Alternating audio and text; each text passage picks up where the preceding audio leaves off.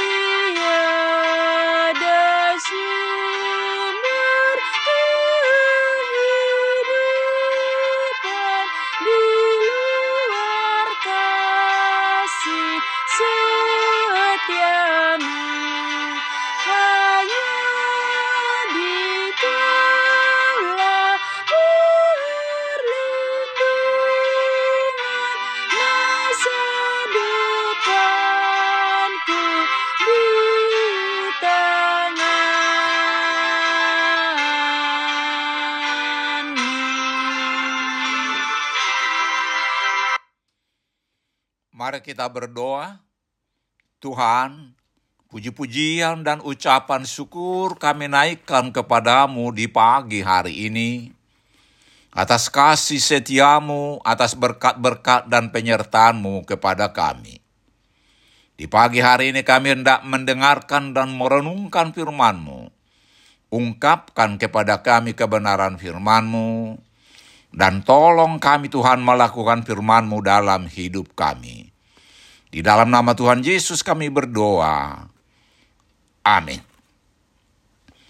Saudara-saudara yang dikasihi Tuhan Yesus, firman Tuhan untuk kita renungkan di pagi hari ini terambil dari Ibrani 11 ayat 6 dengan tema iman yang dikenan Allah demikian firman Tuhan.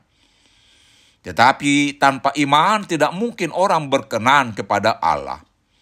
Sebab barang siapa berpaling kepada Allah, ia harus percaya bahwa Allah ada dan bahwa Allah memberi upah kepada orang yang sungguh-sungguh mencari dia.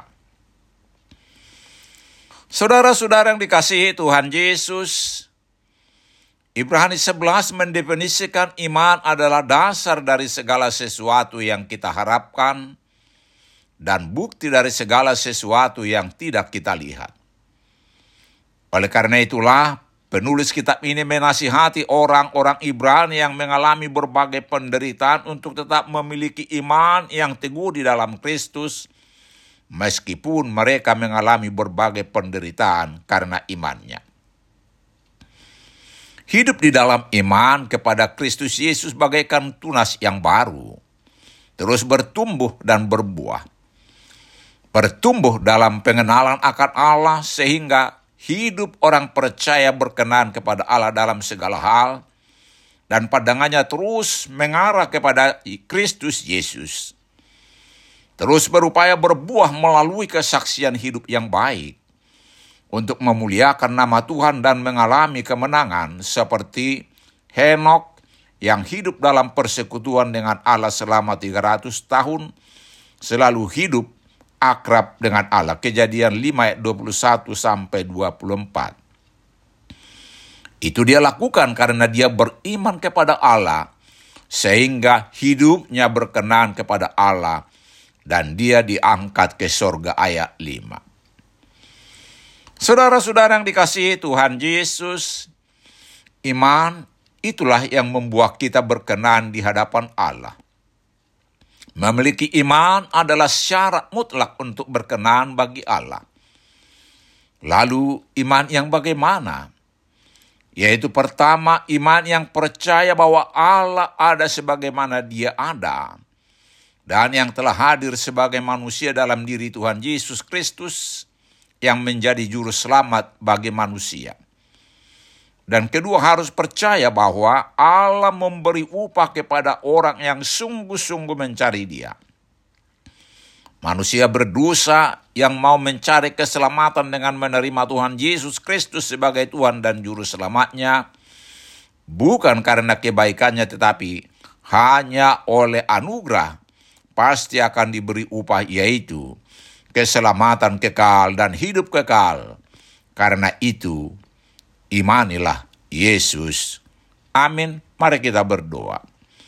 Tuhan Yesus, kami bersyukur karena Engkau mengasihi kami. Mampukan kami memiliki iman yang berkenan bagimu. Amin. Selamat beraktivitas hari ini. Tuhan Yesus memberkati kita.